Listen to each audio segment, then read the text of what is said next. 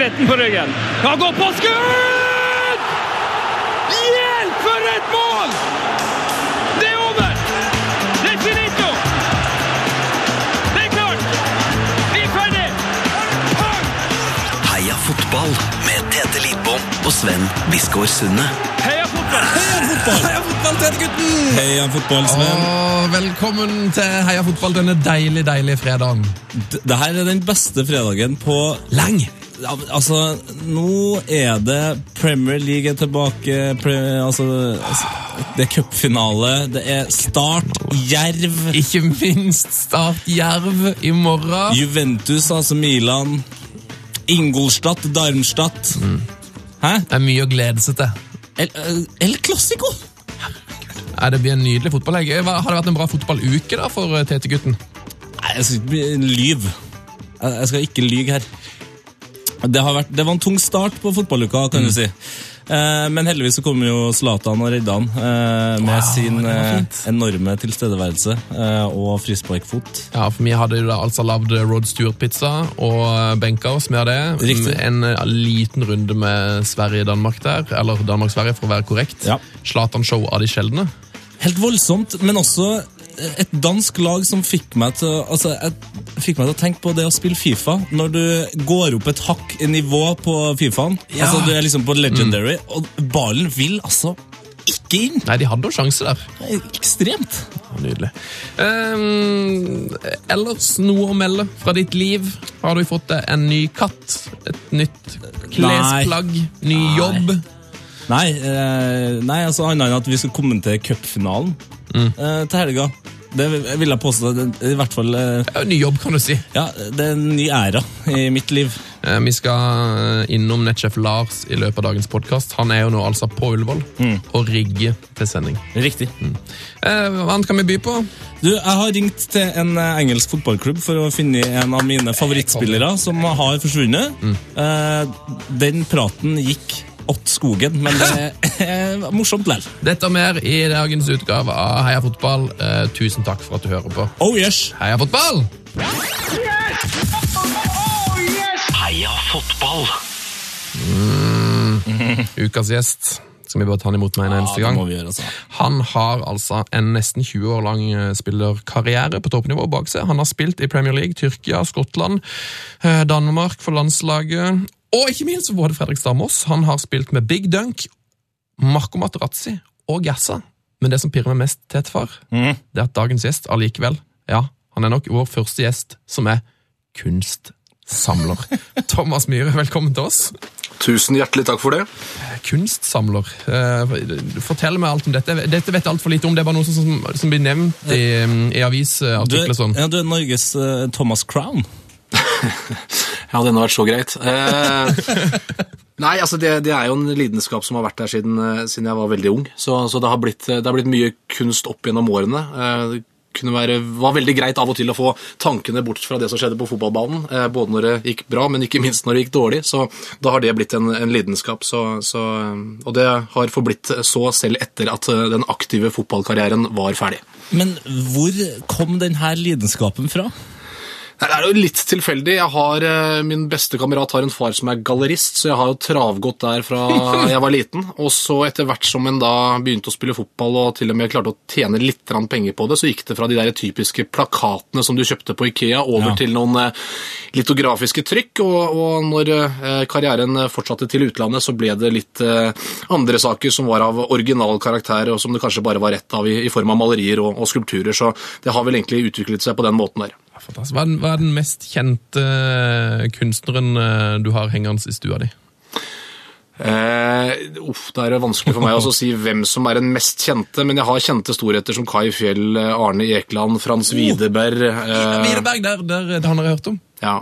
Og så har jo en av mine personlige favoritter som heter Kjell Erik Killi Olsen, som, som, som jeg mener er, er fabelaktig. De er de alle, men, men det er i hvert fall noen av de jeg har på veggen hjemme eh, privat. Er det sånn at man ikke har kanskje så mye på veggen når man samler? At de er lagra i et, hvelv eller noe sånt?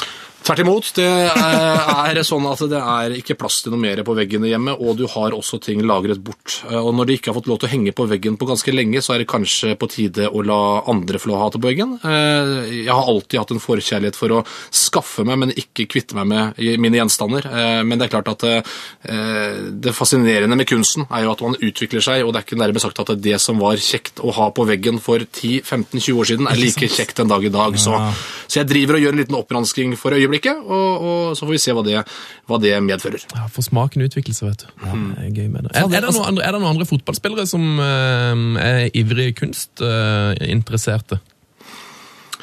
Nei, ikke veldig. Eh, det er vel noen som har spurt om råd av og til. Eh, Eller så var det jo litt sånn når jeg spilte i Premier League for mange år tilbake, eh, som var da den avsluttende biten av den gode gamle pubkulturen, som eh, takk og pris har vi utviklet oss videre ifra, så var det vel kanskje ikke det jeg ropte og utbasunerte eh, at jeg var kunstinteressert. Vi vet eh, alle hva fotballspillere i England kalte Graham Lesaw for han leste The Telegraph, eller slike ting som det, så, så det var greit å, å holde det for seg selv. Men det har ikke vært noe hemmelighet blant folk her i Norge. Nei. vi må, altså, du har hatt en helt utrolig karriere. Og du har skapt noen kunstver kunstverk sjøl òg. men vi, vi, starter, vi starter med det mørke, tenker jeg. Altså Tyrkia-kampen. Ja. Eh, altså, hvordan er det å være midt oppi en så dramatisk utgang fra liksom noe som ser ut til å bli et EM-mesterskap, og så er du liksom hovedpersonen som da slipper inn to, to mål? Ja, nei, Det er jo selvfølgelig aldri kjekt, det. Eh, Og dette her var jo ytterst spesielt, for det var jo ikke bare snakk om å slippe inn målene. Du klarer vel ikke å slippe inn mål noe mer tydelig eh, enn akkurat det der. Så, så det er klart at det, det var jo kanontøft, det. Eh, Det merkelige med det er jo at jeg det var ikke mange månedene før det så møtte vi faktisk Brasil på Ullevål hjemme, og jeg spilte til en nier på VG-børsen, uten at jeg skal ta bort noe fra fadesen i Frankfurt, men sånn er det nå av og til. Eh, vanskelig å forklare hvordan det går an å slippe inn disse ballene. eh, det er som alle sier at den hadde bestemora mi tatt, og for å si det sånn, jeg tror nok 95% av bestemødrene i dette landet hadde nok latt være å slippe inn disse. Så, og det er ikke noe unnskyldning, men det er jo noe sånn at en tar en vurdering der og da, og jeg, jeg må si det at jeg har ingen andre å skylde på. Det var ene og alene min feil, og det var nok det, ja, ikke bare nok, uten tvil det tyngste jeg har opplevd på en eh, fotballbane. Det, ganske, det var ganske stille på en tom Frankfurt-arena, Ja. og det er klart at Myhre har vel aldri eh, vært mer på utkikk etter en stor gravemaskin eh, enn jeg var akkurat når dette her skjedde i andre omgang. Ja, for Det må være liksom ekstra irriterende. Sånn, to fotballidioter som meg og Sven, for eksempel. Det er det vi husker. Vi husker jo ikke den nieren på, på VG-børsen. Altså, nå kjenner jeg at jeg blir litt sånn sint på meg sjøl. For at man husker det så godt. Men, Men det bare, husk eh, tabbene. Ja. men hvordan, hvordan går man videre fra en sånn opplevelse? Ja, jeg hadde vel en sånn eh, sak alltid at eh, når jeg hadde dårlige perioder eller dårlige kamper eller ikke spilte på klubblag eller var ute skada, så, så var det ganske enkelt å se seg i speilet og tenke på eh, Se på deg sjæl, gutten min. eh, Du opplever din barndomsdrøm. Du spiller fotball i Premier League, du spiller på landslaget, du er frisk og rask og har en frisk og rask familie. Du har ikke så veldig mye å sutre over. Eh, Jeg prøvde jo selvfølgelig det etter denne fadesen også. Eh, Denne gangen så var det litt vanskeligere enn vanlig, så jeg, jeg måtte ha litt, litt ordentlig hjelp. Eh, Det blei eh, tungt rett etterpå. Jeg stilte opp på det som var, det skulle bare mangle. Jeg var den første til å holde hånda oppe både i garderobe og for pressen etterpå. Det skulle også bare mangle, for det var ingen eh, andre sin skyld. Men det blei tungt å komme hjem. Det var kanskje greit at jeg bodde i utlandet, men eh, det var, det var tungt å dra på trening på morgenen, så jeg fikk meg nok en liten, eh, en liten eh, skal jeg si for noe, eh, støkk, eh, og fikk da egentlig hjelp av eh, eh, en, en herremann ved navn Wayne Diesel. Det her høres jo veldig spesielt ut. Eh, Men eh, det var ikke Vin Diesel, men Wayne Diesel var jo da eh, lege eller ad, eh, Han var ansvarlig for det medisinske eh, i Charlton Athletic på det tidspunktet. Gikk videre til Tottenham og er nå i NFL, tror jeg. Han kom som eh, medisinsk ansvarlig for eh, Sør-Afrikas rugbylandslag. Var en eh, fantastisk eh, bra kar, og eh, vi renska vel hodet mitt litt hjemme hos han privat i en tre-fire timers tid, sånn ca. en uke etter at dette skjedde, og da, da gikk det bedre. Men det er den eneste gang jeg på en måte har sett meg ned og ikke helt forstått hvorfor jeg var at jeg var ekstra trøtt om morgenen, men mm. det var jeg da. Men Det lurer på, når, eh, altså, når dere spiller fotball, og på en måte det er TV-sendt, og det er jo en helt sinnssykt press som, det er helt umulig for oss andre å forstå, men når det her da skjer, eh, på en måte hvordan det er apparatet på landslaget og sånn, er der eh, er det liksom de hva skal man si, de som passer på, er man flink nok til å passe på spillerne? Eller følte du liksom at man blir satt litt sånn ut for seg selv? Nei, Det var vel ikke veldig eksisterende, men når det er sagt, så er ikke jeg den som skal eh, klandre andre for dette her. Det er klart at det blir litt annerledes når alle reiser neste dag. Ehm, Ja. Og eh, selv eh, etter dette her, så var jeg var jo i dialog med daværende landslagstrener. Det tok noen dager etterpå. Jeg, altså, når man ikke er tett oppå hverandre og ser den daglige biten, så tror man og regner vel med at eh, unge Myhre også takler dette her eh, som han pleide å gjøre ellers. Mm. Både oppturer og nedturer. Så det der blir vanskelig å, å peke på, fordi vi reiser ifra hverandre, og man kan si i etterkant at eh, sånn er nå fotballen. altså eh, Skårer man, så blir man hylla, og, og, og mister man eller bommer man eller gjør disse feilene som vi keepere av og til gjør, som kan få katastrofale følger, så, så blir man veldig fort alene.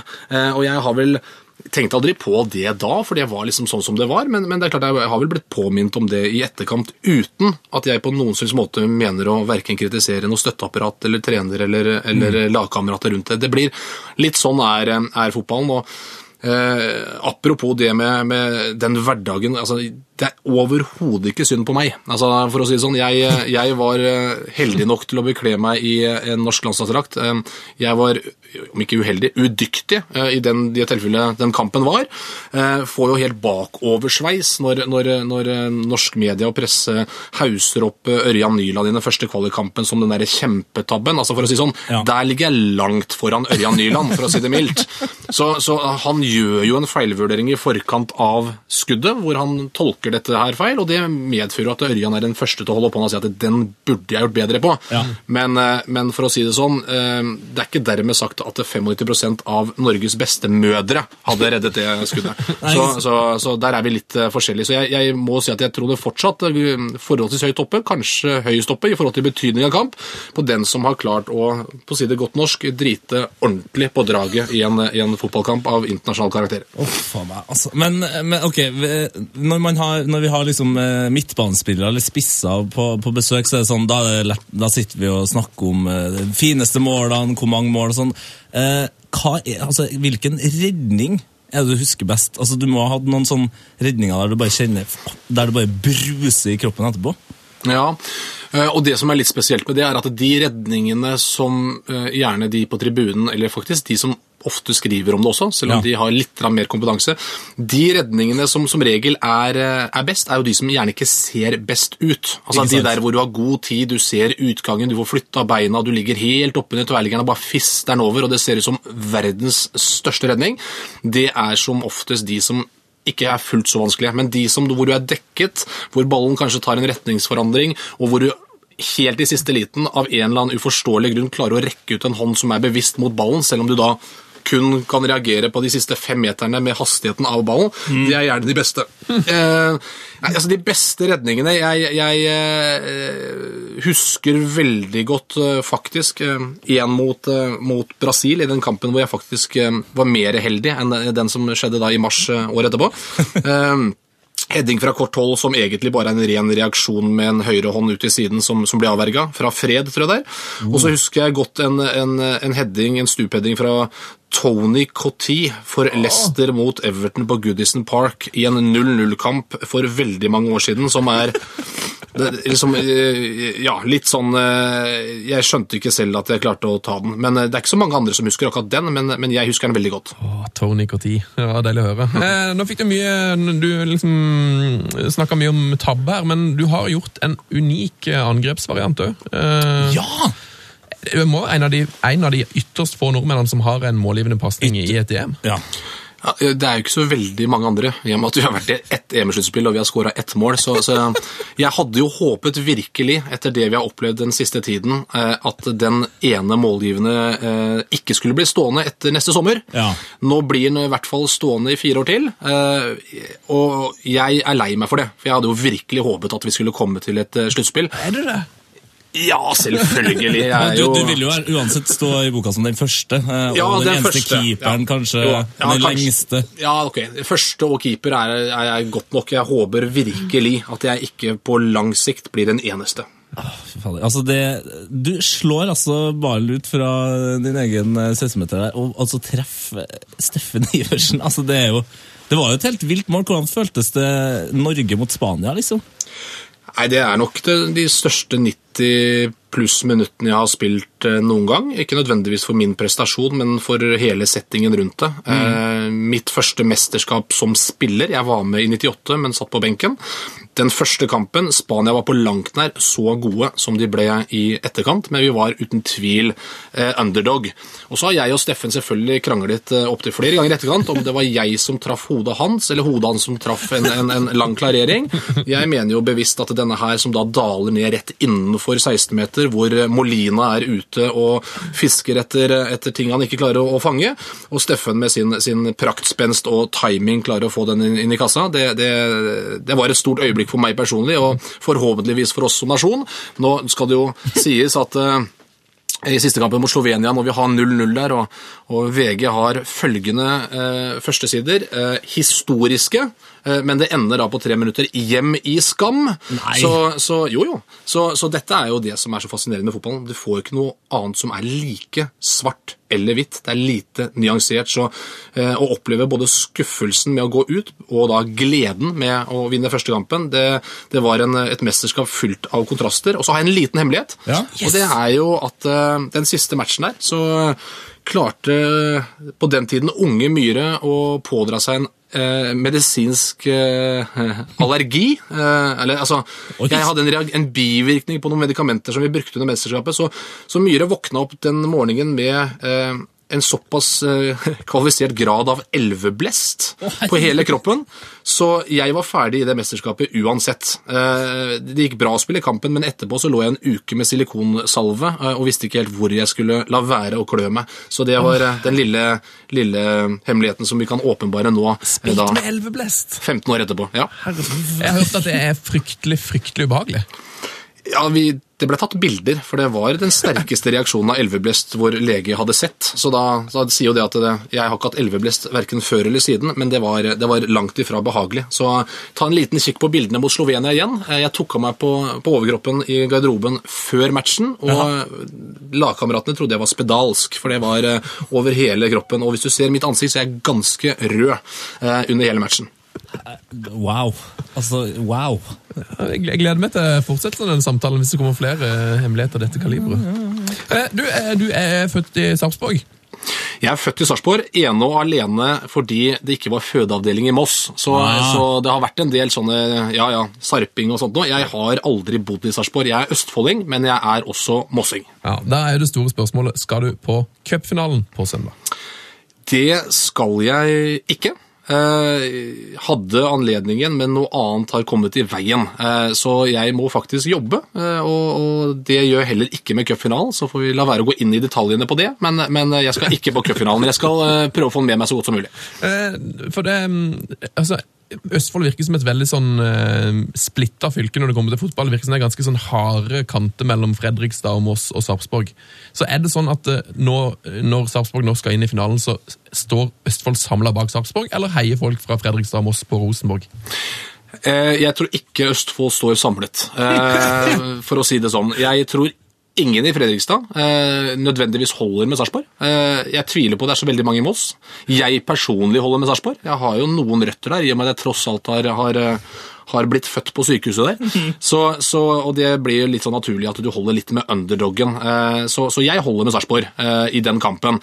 Men det er noe av det problemet som er i Østfold, og, og de rike fotballtradisjonene som tross alt er der, eh, er jo det at Østfold skulle blitt samla til én ordentlig stor klubb, og det er det potensialet til.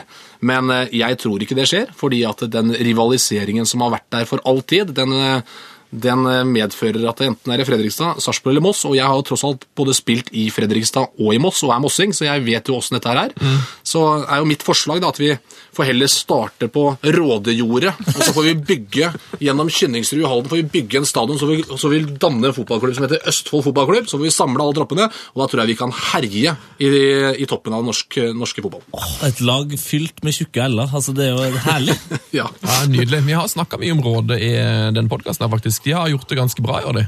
Mm, ja, de har det. Rykka opp, og De skulle til og med ha Samantha Fox til å komme og ha avspark på siste seriekamp, og det er helt Texas.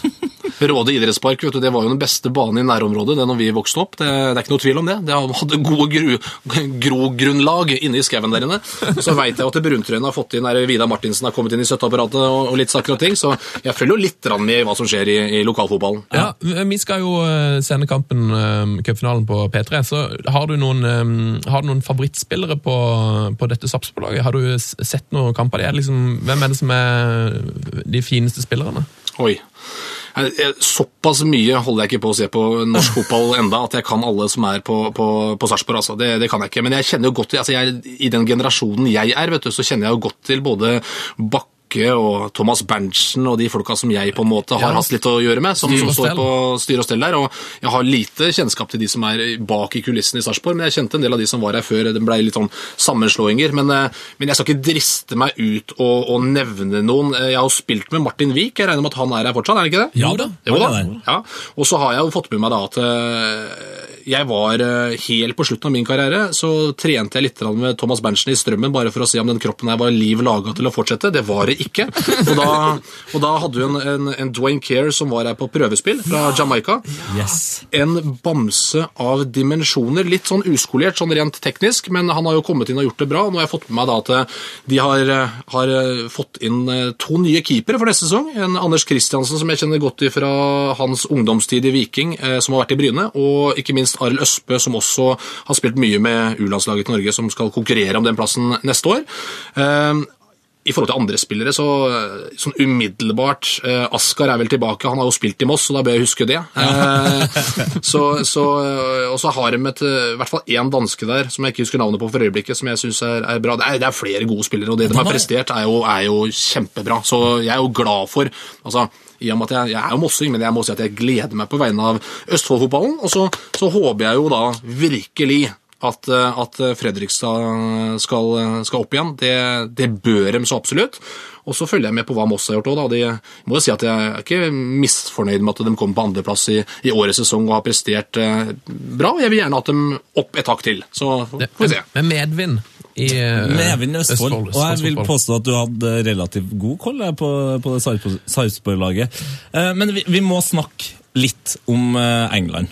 Og det, det, første vil, altså det første jeg vil vite noe om, det er at du var jo der når Fowler eh, sniffa stripa. Eh, du var jo egentlig Du hadde jo orkesterplass.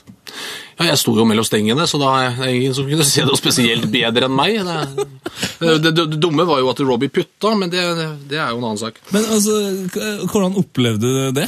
Altså, eh, Skjønte dere liksom eh, hvor stort det der eh, øyeblikket kom til å bli eh, når det skjedde? Nei, overhodet ikke. Jeg fikk ikke akkurat med meg eh, Det er liksom ikke det første jeg gjør når jeg slipper inn en kasse, er å se på hvordan motstanderspilleren eh, feirer, liksom. Så, men det blei jo en stor sak i etterkant. Det hadde jo versert noen rykter og noe fram og tilbake i, i, i Liverpool by, men, men uh, måten Robbie tok det på, var jo å gjøre den gesten som han gjorde. Og det, det, det får så være, men jeg, jeg la ikke merke til det da. Men det, det er klart, det her var jo samtlige førstesider neste dag og på Match of the Day, som var på kvelden. Så, så det er klart at det tok ikke så lang tid før, eh, før jeg fikk det med meg. Ja, for det, Han skårer på en straffe der, og da jeg så denne straffen i stad. Og da går vel du egentlig bare og surmuler når eh, selve feiringa skjer.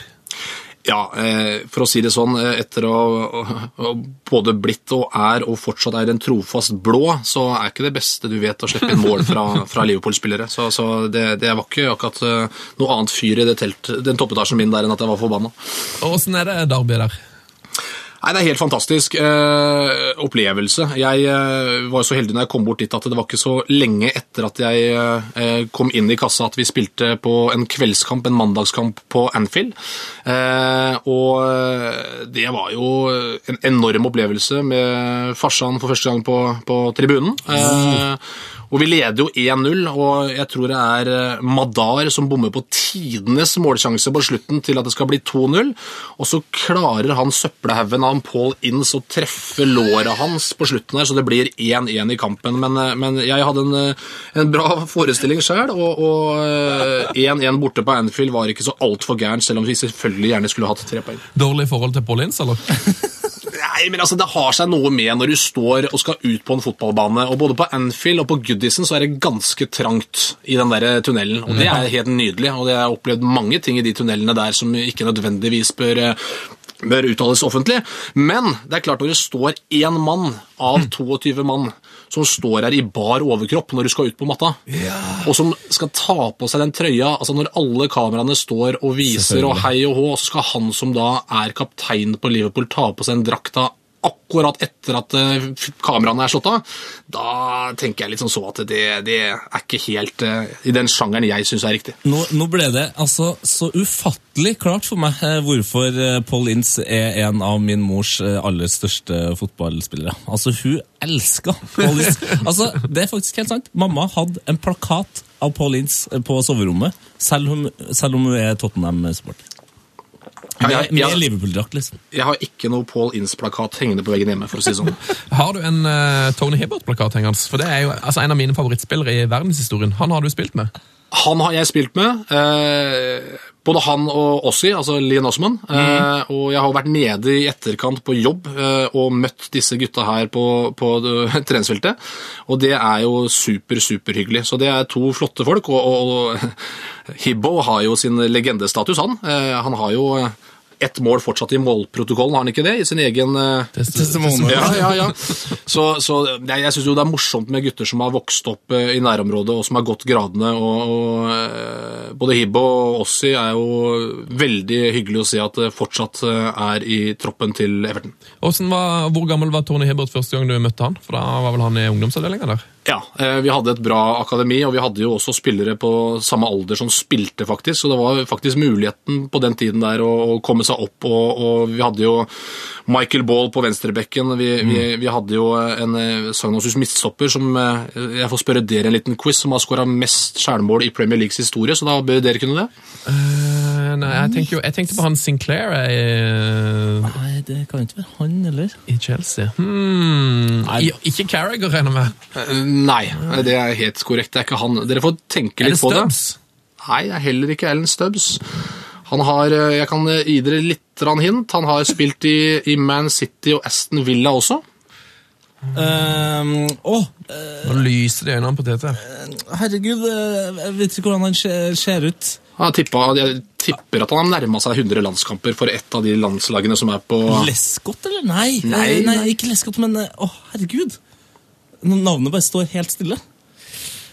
Dette er en strålende quiz. Ja, Det er en veldig god quiz. Og han har skåra altså, flest sjølmål, det du sa Ja, jeg er ganske sikker på at han tok den rekorden. Det kan hende noen som har tangert den, men det bør i hvert fall eh, for en, eller for to som følger såpass mye med i fotballverden og i Premier League, så bør jo dette her være overkommelig. Ja, herregud. Eh, har du en eh, forbokstav på etternavn her? Ja, eh, jeg har på etternavnet. Det er eh, D for David. Nei. Ja, men han er ikke engelsk. Nei, men uh, nå syns jeg dere har fått så mye sjanser at når dere ikke kan Richard Dunn, eh, så Er det mulig? Å, fy fader. I'm done. I'm done. Ja, det, ja, det her var flaut, men bare... Jeg elsker at nå er, nå er rollene snudd, for vi pleier alltid å være kjipe og sette våre gjester fast med quiz. Eh, og nå ble det snudd, så fikk vi kjenne det. Ja, nå, det var sånn Jeg har lyst til å si Fader, visste du at eh, Liverpool starta med blå drakter og Everton hadde røde, liksom? Det, den funfacten kan jeg. ja, den, eh, den, eh, vi bør ikke ta den nå. Men hvorfor, altså, på en måte, hva er det som gjør at han skåret så mye selvmål, tror du? Hva var hans svakhet som spiller? Nei, altså, Dunny var jo alltid Han var bygd som en irsk eh, bryggesjauer. eh, Var glad i Guinness. Var stor som et hus. eh, Var ikke alltid den raskeste, men hadde en fantastisk karriere. Jeg tror han har bikka mer eller mindre 100 landskamper for Irland, men det skal jeg ikke si helt sikkert. Og han, han spilte ikke Everton når, når jeg var der. Han var på akademiet, som var, var veldig bra. Men, men han var jo en bamse, en koloss og en, en typisk duellspiller som alltid kommer litt sånn skliende på etterskudd inn på disse der som blir slått inn hardt flatt foran på første stolpe, eller som går igjennom alle sammen, så var som regel Richard Dunn der og klarte å skli den inn i eget mål. Så det har han gjort opptil flere ganger.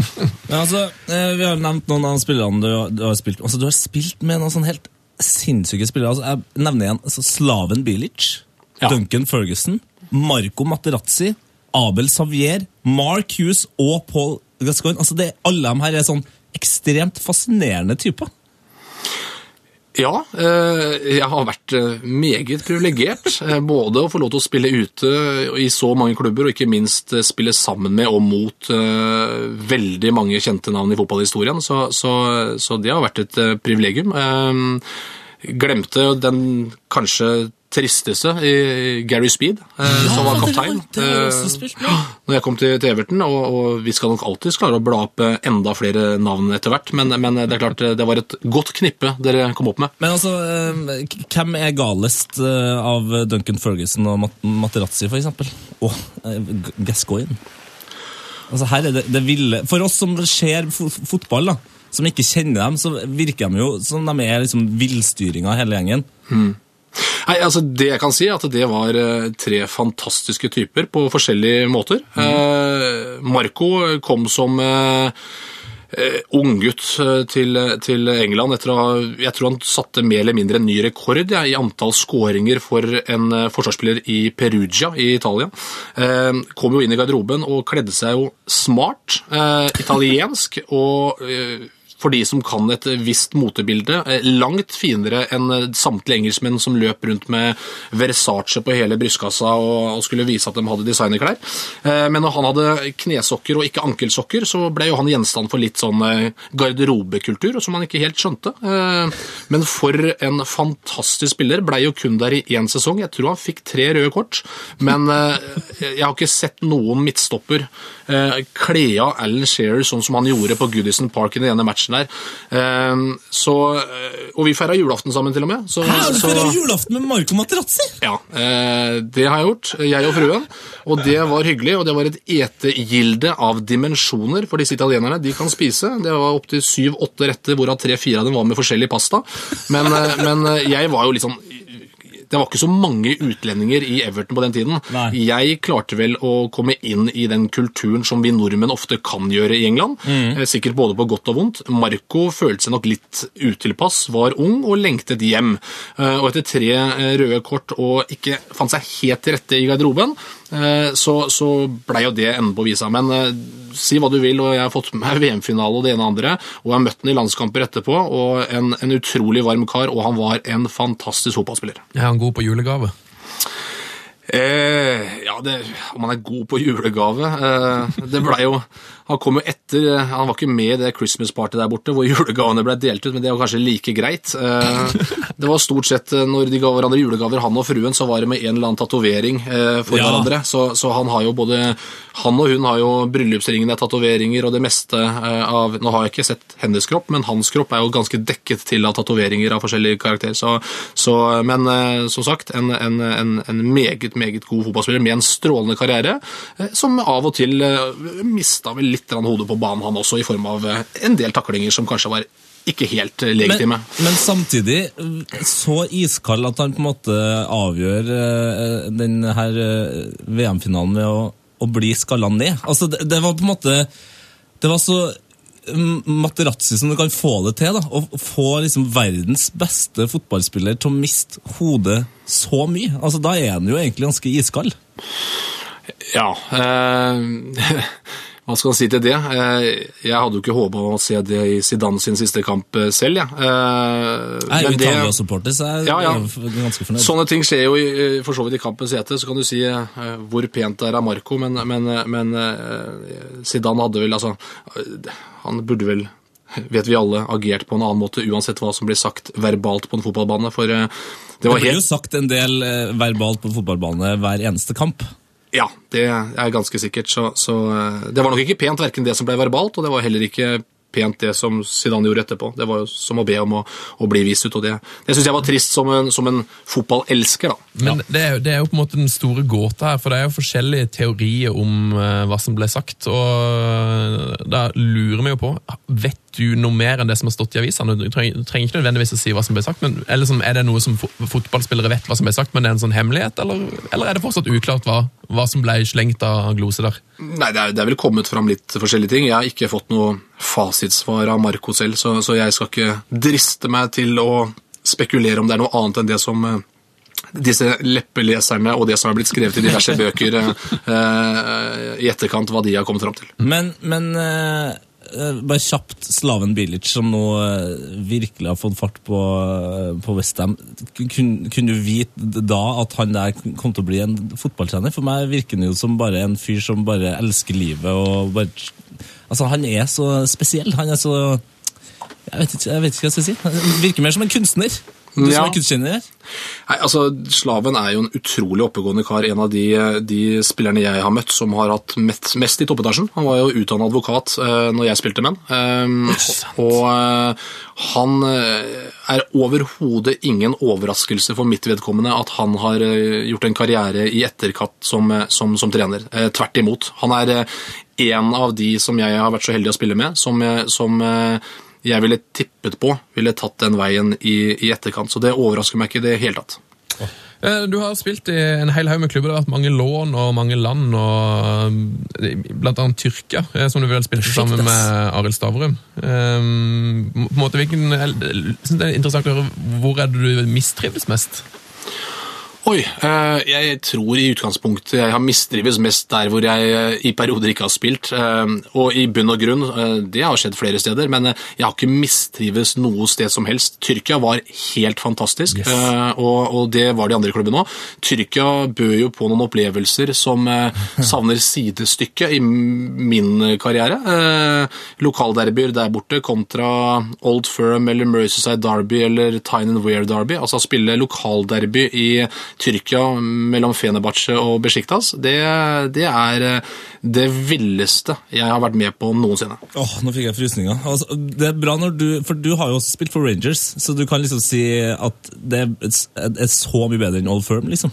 Ja, altså Bedre. Det er jo altså Eller villere, da. Ja, altså Det som er saken, er at du kan jo tenke deg scenario som skjedde når jeg skulle spille bortekamp mot Fenerbahçe. Eh, da hadde ikke jeg vært der lenge, så, så jeg var jo sikker på at vi skulle spille eh, kamp som vanlig var eh, i helgen klokken åtte på kvelden. Og vi skulle møte opp eh, halv fem på treningsfeltet for å da ha matchmåltid og en liten prat, og så skulle vi dra over på, til den andre verdensdelen. For vi drar jo da tross alt fra Europa til Asia. Eh, hvorpå jeg skrur på TV-en midt på dagen, og klokken er ca. kvart over ett, hvor de er live inne fra Fenerbahçe stadion. Og der er det da altså fullt. Nei! Eh, og, og da snakker vi om 65 000 mennesker.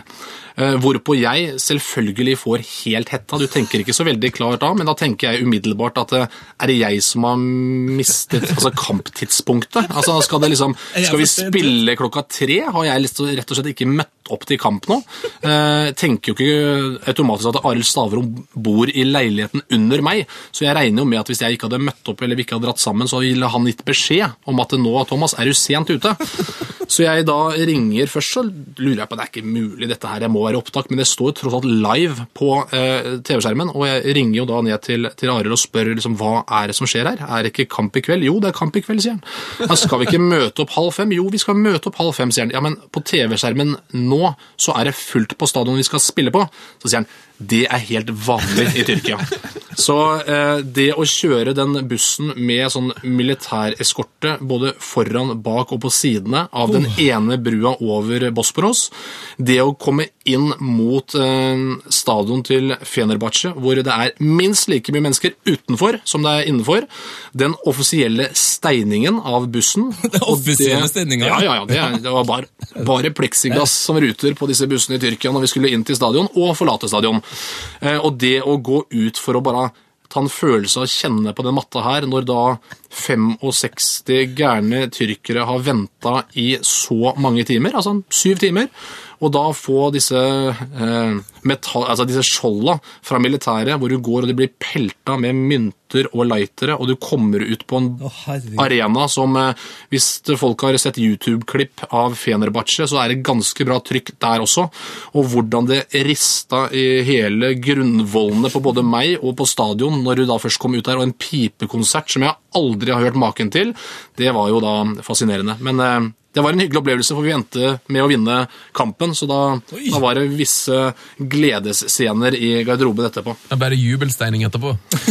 Det ble jubelsteining etterpå. Eh, Det var eh, Det er klart at det Visstnok, da. Nå, nå kan det hende at det var litt sånn eh, overvurdert, men eh, ut ifra det jeg ble fortalt av de som, som kunne prate engelsk, så hadde Fenebache 24 hjemmeseiere på rad. Og hvis de da tok den 25., så var det visstnok ikke bare rekord for Fenebache, det var rekord i Tyrkia. Det var sannsynligvis også eh, verdensrekord, ut ifra hvordan den historien blei fortalt. Så, så jeg tviler jo på det selv, men, men det er klart når vi kommer inn i garderoben etterpå, og jeg skjønner jo ikke helt annet at vi har selvfølgelig hatt en strålende opplevelse. Vi har vunnet eh, 2-1 på bortebane, men eh, det er klart der er det snørr, tårer og gledesscener som om vi hadde vunnet VM i fotball.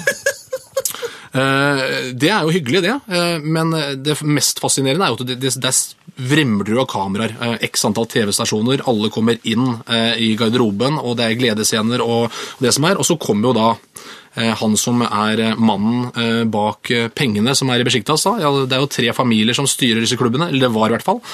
Hvor eh, vår kaptein Det blir helt stille når han kommer inn, hvor vår kaptein kaster ut noen gloser eh, i retning av eh, Demirøren, eh, hvor det kommer en liten fram og tilbake. Så blir det helt stille. Og så kommer det ett svar fra Demirøren, og da bryter det ut altså noen gledesscener som jeg ikke har sett maken av. Eh, og det var rett og slett en forhandling om den bonusen vi fortjente eh, for å slå Fenebache på bortebane. Eh, og det, det var også et hyggelig bekjentskap. Det ble gjort i garderoben etter kampen. det ble gjort i garderoben etter kampen. ja. Å, du verden, altså. Ja, det er Tyrkia det skjer, det er det ingen tvil om. Eh, Hvor, eh, altså, du sa jo du har spilt eh, Sunderland-derby og Glasgow-derby og Liverpool-derby og, og Istanbul-derby. Hvor, hvor plasserer du Liverpool-derby i det hierarkiet her?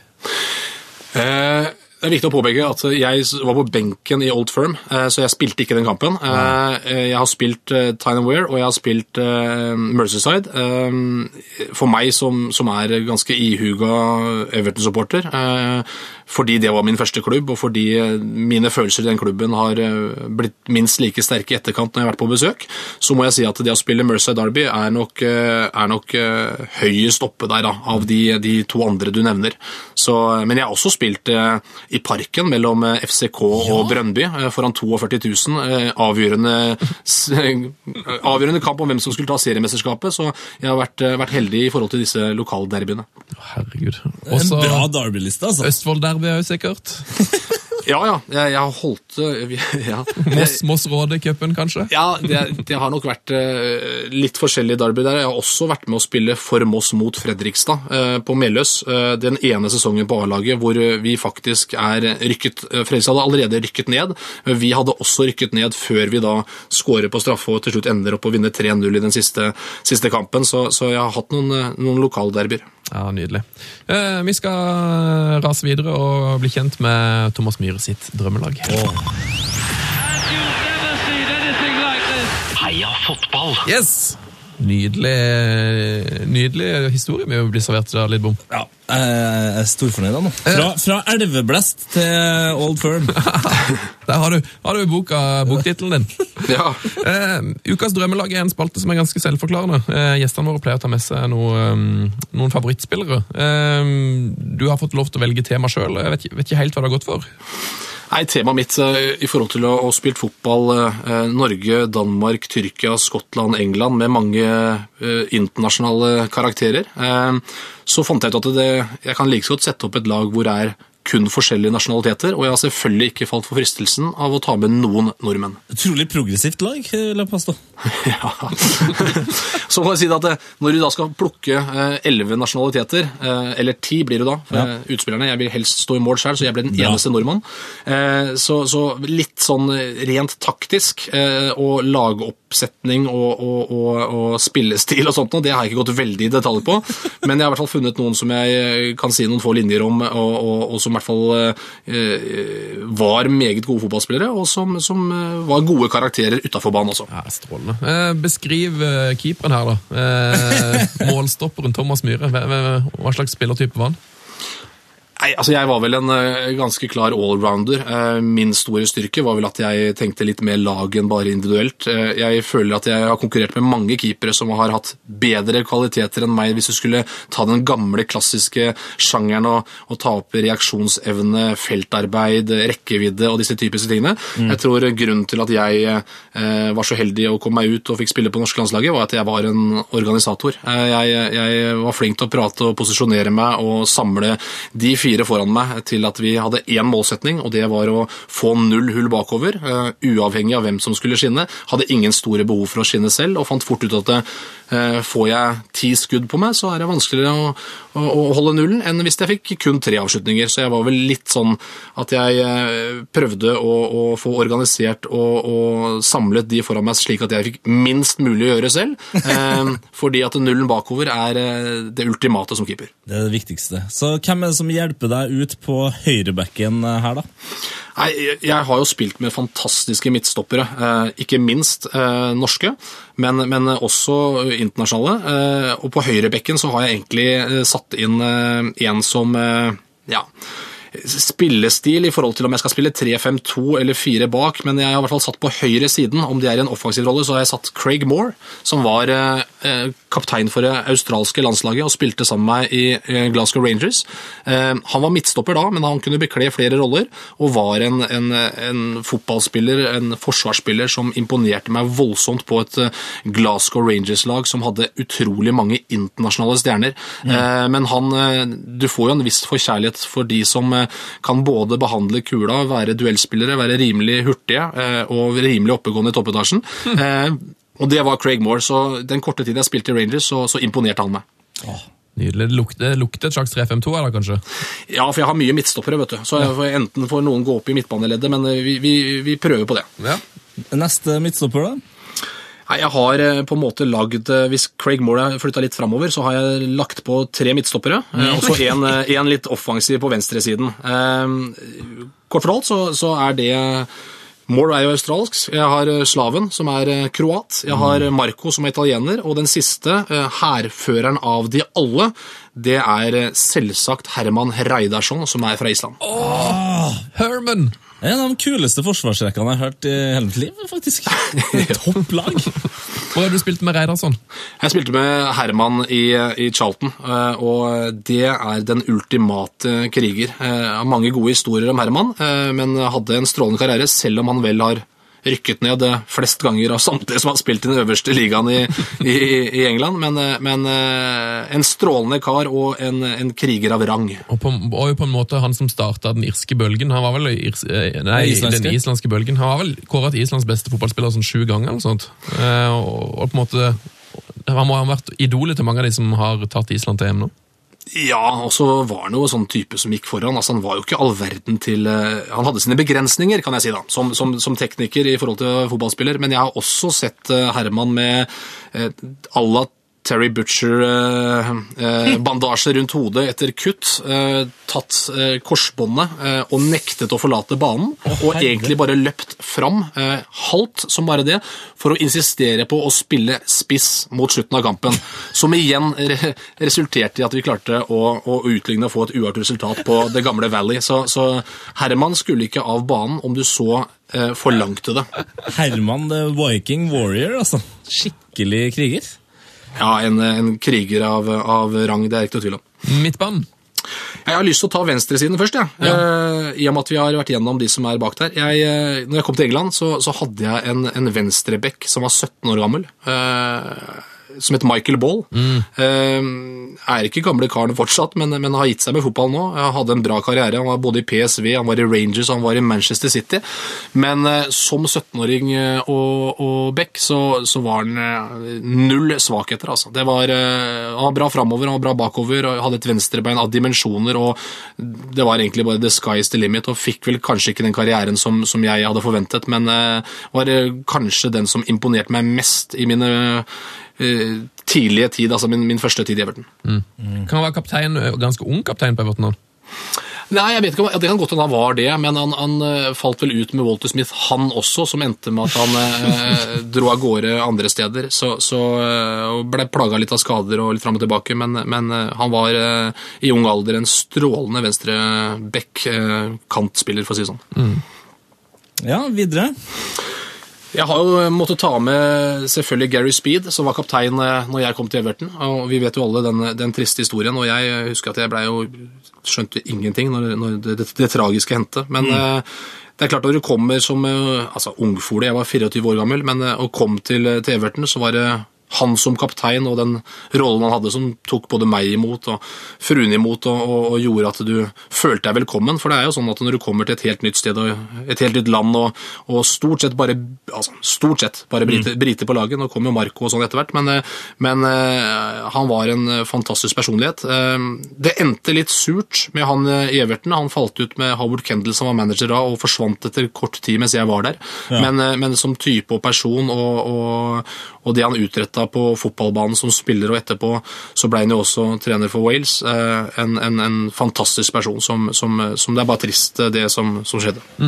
Videre eh, på midtbanen, sentralt, så når jeg kom til FCK, eh, ganske dramatisk egentlig, fordi var, eh, Roy Hodgson var trener, og det var Ståle Solbakken som var ene og alene grunnen til at jeg kom dit. Eh, problemet var jo det at når jeg reiste ned dit, så falt jo Ståle om eh, dagen før. Ja, dæven, det var da, Det var dagen før! det var dagen før. Så når jeg skulle komme inn for å være på lån hos FCK i etteråret den sesongen, så, så hadde jo det tragiske skjedd i, i forkant. Eh, på bakgrunn av det, eh, og eh, også skade på en annen eh, midtbanespiller, så var en ung 19-åring som heter Christian Paulsen, som eh, de hadde hentet inn fra et, eh, et lokalt andredivisjonslag, som kom inn på laget, mer eller mindre samtidig. Og eh, av og til så, så møter du eh, unge spillere som går inn og tar det nivået umiddelbart, og det, det gjorde Christian Paulsen. Du så med en gang at han hadde noe eh, mer i seg enn å nødvendigvis eh, bare spille noen få kamper sentralt på midtbanen til, til FCK. Så, så jeg velger å, å plukke Christian Paulsen eh, på midtbanen. Han hadde en grei karriere. Spilt for Schalke, Sevilla, Juventus, Liverpool, Ajax. Altså, ja. Ja, Det er ikke noe tvil om at det, det, var, en, det var en fotballspiller av rang. og det, Jeg var heldig å oppleve den allerede som 19-åring og helt fersk. Og det var eh, du, du så med en gang at dette her kom til å bli mer. Eh, Hvilket land skal vi til nå? Nei, Jeg må jo innom en liten tur til, eh, til Sverige, faktisk. Jeg tenkte jeg skulle ta med, jeg skulle ta med Niklas Aleksandersson. Eh, spilte med han Everton. Han hadde en bra karriere der, var bra i Sheffield Wednesday. Eh, Er en strålende gutt som jeg holder kontakt med fortsatt. Over 100 landskamper for Sverige. Og var vel mer eller mindre avskrevet når han dro hjem og spilte på IFK, men spilte seg tilbake på bekken på det svenske landslaget, og har jo hatt en, en, en, en helt eventyrlig karriere. Så, og er en kjernekar av dimensjoner. Så, så Niklas måtte jeg bare ta med. Åh, Deilig. det, det laget her begynner virkelig å sette spor i meg nå, kjenner jeg. Eh, videre. Ja, altså jeg var jo inne på om eh, Jeg sleit jo litt med den ene plasseringen, som jeg sa, men, eh, men dere ga meg et lite tips i stad. Og, og det, det er vel egentlig ikke for hans kvaliteter som spiller, og han må spille dypt på midtbanen, som han gjorde litt for Portugal, men eh, jeg spilte en periode med Abel Savier, og, og han var vel den minst portugisiske av samtlige portugisere jeg har sett noen gang, i forhold til spiller og spillestil, men han var jo en fascinerende skrue, da, med sitt blekede skjegg og blekede hår. Gikk fra Everton til Liverpool, forstå det den som kan. Eh, men, men, men, eh, men uansett så syns jeg det var greit i og med at jeg var litt short her. Jeg kunne sikkert tenkt meg enda mer om på den der, men eh, Abel Savier han, han kom og besøkte meg i Oslo en gang til og med. Når, ja, det, det er jo mange gode historier som kommer samtidig, men da hadde vi landskamp, og han hadde tatt seg fri, for han var på det portugisiske landslaget, men han ville, han ville dra fra Lisboa og komme seg til Oslo for å ta seg en fest. Så på den tiden så, så var jeg med og eide et utested, så da ringte han meg på fredagen og dukka opp i, i Oslo på lørdagen. Vi hadde landskamp, så jeg var ikke med på den festen der, men han, han dro tilbake på søndagen, så jeg får jo si at vi, vi hadde sånn, sånn tålelig bra forhold. Det er, som, det er helt fantastisk. Kom, kom til Oslo for å feste på Thomas Myhres eh, utested. Altså, Han ankom kvart på tolv på kvelden. Jeg hadde jo andre folk som tok han imot, så han var, jo, han var ikke lange tiden. Jeg tror han fløy fra Lisboa via Zürich, fikk jeg fortalt han etterpå. Og så kom han til Oslo og landa og, og hadde seg en fest, og så dro han tilbake på søndagen. Så det, det, det, da må du være rimelig ivrig for å besøke Oslo. det, er sjelden at eh, liksom, eh, det inntrykket man har av en fotballspiller, eh, blir så liksom, perfekt og liksom bekrefta i løpet av en så kort historie. Altså, det føltes så selvfølgelig at det må, måtte være Abel Savier som gjorde det der. Ok, han skal spille, eh, Hvem andre han skal spille med? Nei, nå har jeg tatt fram eh, to stykker på topp. Den ene sier seg litt sjæl. Eh, jeg eh, kom som 24-åring eh, eh, til, til Everton eh, og signa på en fredag. Neste dag så møtte vi Southampton på, på hjemmebane, og, og Big Nev, legendariske Neville Southwall, uten tvil en av verdens beste keepere på midten av 80-tallet, og jeg var så heldig å få lov til å komme og være med han. Han var her ikke så lenge, men, men på den tiden så han, han heter Big Nev fordi at han var stor som keeper, men på den tidspunktet der også var han, han var bokstavelig talt forholdsvis stor. Eh, og, og han spilte mens han satt på benken mot Southampton. Vi røk 2-0. Og eh, ikke lenge etterpå så skulle vi møte Leeds eh, på Ellen Road. Eh, og eh, av sikkert helt naturlige årsaker så blei jeg selvfølgelig lagt på rom med The Big Dunk. Så, så, så han må jo bare rett inn der, og, og det er klart at jeg, jeg, jeg For å si sånn, jeg skulle bli eh, tørr bak øra kjapt, så da var det naturlig at eh, Kendal satte meg på rommet med, Big Dunk. Eh, Jeg var jo helt sikker på at jeg ikke skulle spille mot Leeds, for jeg hadde ikke fått noe forvarsel mot det. Men, men eh, jeg fikk jo beskjed en time og et kvarter før kampen når, når min daværende manager eh, ga beskjed i, i, i bussen. Men jeg fikk jo i hvert fall en, en grei oppladning med å, å være på rom sammen med, med The Big Dunk. Åh, jeg, vet ikke om jeg har tort det. Nei, det, det er du får eh, Du du blir rett i ryggen da, tenker jeg. Ja da, nei det var ikke, altså, jeg vet ikke om det var fordi at ingen andre ville bo på rommet, det, det kunne jeg skjønne, men eh, når det er sagt, så, så var jo han en karakter, han også, og eh, utrolig snill. Eh, en hærfører, han også. Eh, jeg har aldri opplevd noen, eh, og jeg har spilt med en del gode hodespillere, men offensive hodespillere. Eh, Duncan Ferguson, det var helt vanvittig. Eh, Han var eh, enorm, men han var, det prega litt laget og årets også, fordi at det blei slått mye langt. Det ble, og det blei litt stereotypt, men, men han har, han har scora noen mål som er fantastiske. Og så er han en utrolig hyggelig kar, som da fant ut at han, han ga opp karrieren når han skulle gi seg, og så flytta han like godt til Mallorca og tok med seg duene sine. Duene sine? Ja, ja, ja. Mens jeg holdt på med kunst, så Big Dunk, han, han holdt på med duer. Han og Mike Tyson. Ja, det er nydelig. Så, så han hadde duene sine med ned dit, eh, og jeg møtte han når han var i trenerapparatet til Everton. Jeg var nede og hilste på, eh, og er jo eh, en fantastisk hyggelig kar. Veldig sånn ja, eh, Likte jo ikke media sin oppmerksomhet, nekta å stille på alt som var av intervjuer, men eh, jeg klarte i hvert fall å få han i tale og lurte på åssen det gikk med pigeonsene hans. Og så hadde han jo da selvfølgelig den derre sagnomsuste tatoveringen på skulderen til emblemet til, til Everton. Så, så han vil jo for alltid bli elsket i Everton. og eh, jeg var også med den gangen han ble solgt for 10 millioner pund til Newcastle. Han ville ikke dit. Eh, han måtte dra dit.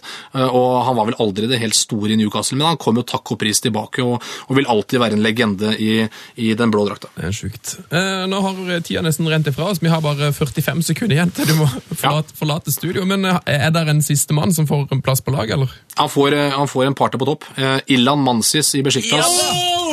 Det Toppskårer året jeg var der, og spilte det VM-sluttspillet som var den sommeren hvor de havna på tredjeplass og putta noen mål der også, og var Tyrkias svar på David Beckham, og det er han kanskje fortsatt, men eh, han, han var en, en meget habil fotballspiller som dessverre måtte gi seg i for tidlig alder pga. en kneskade. Men det var viktig å ha med, med Illan på topp sammen med Big Dunk. Ja, Stavrum sa jo at han var jo en, en fantastisk snodig fyr.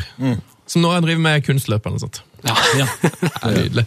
Dere får, eh, dere får møtes i kunsten, Thomas. Vi får prøve å gjøre det. Tusen takk for at du var innom oss. Det var helt strålende. Veldig hyggelig. Takk for at jeg fikk lov til å, å være med dere. Konge. God helg! I God like helg. måte.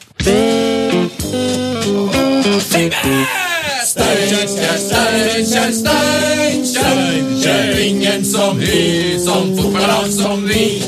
Gå på, så skal du slå. Kan slå SJFK. Det betyr at det er klart for breddefotball, og har vi, Breddefotball. har vi med oss nettsjef Lars i dag, mon tro. SJFK, hei sann! Hallo! Hallo. Nettsjef Lars, hvordan går det med deg? Jo, det går jo kjempebra. Altså, det, hvor bredt i breddefotball er du nå? Det høres ut som du er altså, langt, langt inn i innlandet mellom åtte fjell. En gang jeg er hjemme. Ullevål stadion. Å ja, den, var, den kom fort. Ja, den kom fort. Jeg sitter i kommentatorboksen der jeg holder på å rigge meg til på eh, rett ved siden av deres kommentatorbu. Jeg ser et sånt fint lite glass imellom, så kan jeg strekke meg framover. Så ser jeg på dere når dere kommer nedover på søndag. Ja, nå hører vi sjef Lars litt dårligere enn vi hadde ønska, selvfølgelig. Men um, det er ganske bra når du prater, Lars. Så kan ikke du bare fortelle oss litt? Det skal være cupfinaleshow der på søndag. Uh, vi begynner klokka 12.15. Og du driver du på å rigge opp en slags stream? Er det det du driver med?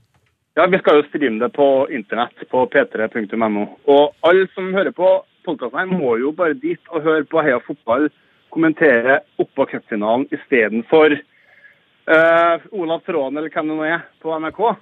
Du mener det? Mener ikke dere det, eller? Jo. Å, jo, jo. Oh, jo. Oh, jo. Oh, jo. Eh, Og du skal jo, eh, Det er jo ganske viktig å si det. Folk kan jo bidra inn i sendinga. For det er nettsjef Lars. Du skal jo da jo være chatsjef Lars, eh, på en måte, så du skal sitte og passe på mailen vår, ta imot spørsmål fra Twitter og komme inn og videreformidle dette eh, i bua under kampen. Ja, det er målsettinga i hvert fall. Hvis, eh, hvis det blir for mye jobb, så må jeg med bildemiks. Mm. Eh, For vi skal jo òg ta inn kampen. Vi skal jo se, det, det er jo først og fremst eh, kampen vi skal vise. Ja. Og så i timen før, eh, altså fra kvart over tolv til kvart over ett, da er det avspark. Da har vi en slags podkast, rett og slett. Bare at det er eh, med ansiktene deres på, istedenfor uh, uh, bare lyd. Eh, jeg lurer på, har du noe, altså, Vi vil jo at folk skal sende inn spørsmål. Send gjerne inn ting der vi skal diskutere under sendinga. Sånn. Det kan du gjøre på Twitter der med P3 er fotball, eller så kan du gjøre det på mail. heiafotballkrøllalfa.nrk.no. Og hva, hva er det vi ønsker oss av samtaleemne? Hvilke spørsmål vi vil ha? Nei, det er jo faktisk alt mulig, tenker jeg. For eksempel, Fotballrelatert, kanskje? hva er, jeg måtte, kan du spørre, hva er nettsjef Lars sin favorittbane i Norge, for eksempel? Er det et spørsmål som vil kunne bli besvart på en sånn Det er innafor. sending? Ja, ja, ja. ja. Det er innafor, ja. Eller- ja. Har du en favorittbane? Vi kan jo bare ta det nå, så kan jo folk tenke andre lignende spørsmål. Du tenker fra bortsett fra Gullbergøyene, eller? Nei, jeg tenker jo på Gullbergøyene, selvfølgelig. Ja, det er Gullbergøyene. Ja, ja, riktig. Ja. Nummer to, da. Kunstgressbanen KGB, eh, som vi kalte den, rett ned på Gullbergøyene. Ja, det er strålende. Du, vi kommer ned på søndag, vi, så, um, så ses vi Da Regner vi med at du har nettsjefa opp alt, så alt er klart med både PC og mikrofon og alt mulig. Jeg skal få opp noen bilder på internett, så folk får se. Men det er bare å hive seg på internett på p3.no lørdag, søndag klokka kvart over tolv, altså. Mm, strålende. Noe mer som må meldes fra Ullevål? Eh, nå Helene, er det, står det en mann og tisser i ene bøtta her, faktisk. Nei! Nei da! Ja, nå- trodde jeg kanskje det var han mannen som tissa på setene på, på, ja, Ungarn-kampen. Ungarn-kampene. Det, det, det husker jeg. Ah, nei, det var vel ungarna, ungarna som gjorde det. Det var Ungarna som gjorde det. Det var ungerne som gjorde det. Strålende. Vil dere ha mer av nettsjef Lars, så følg han på Twitter. Der heter han Nettsjef Lars!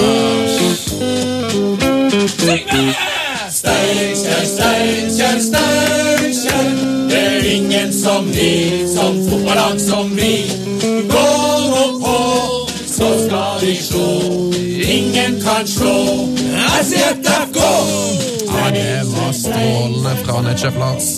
Skal vi gå til litt nyheter med en gang, eller? News! Finally some news. Endelig kan vi snakke om nyheter som om det er Premier League, Serie A, Primera Divisjon, Bundesliga Altså alt. Det er så mye kamper nå. Jeg har vært innom det så vidt, men det er jo altså El Clásico til helga.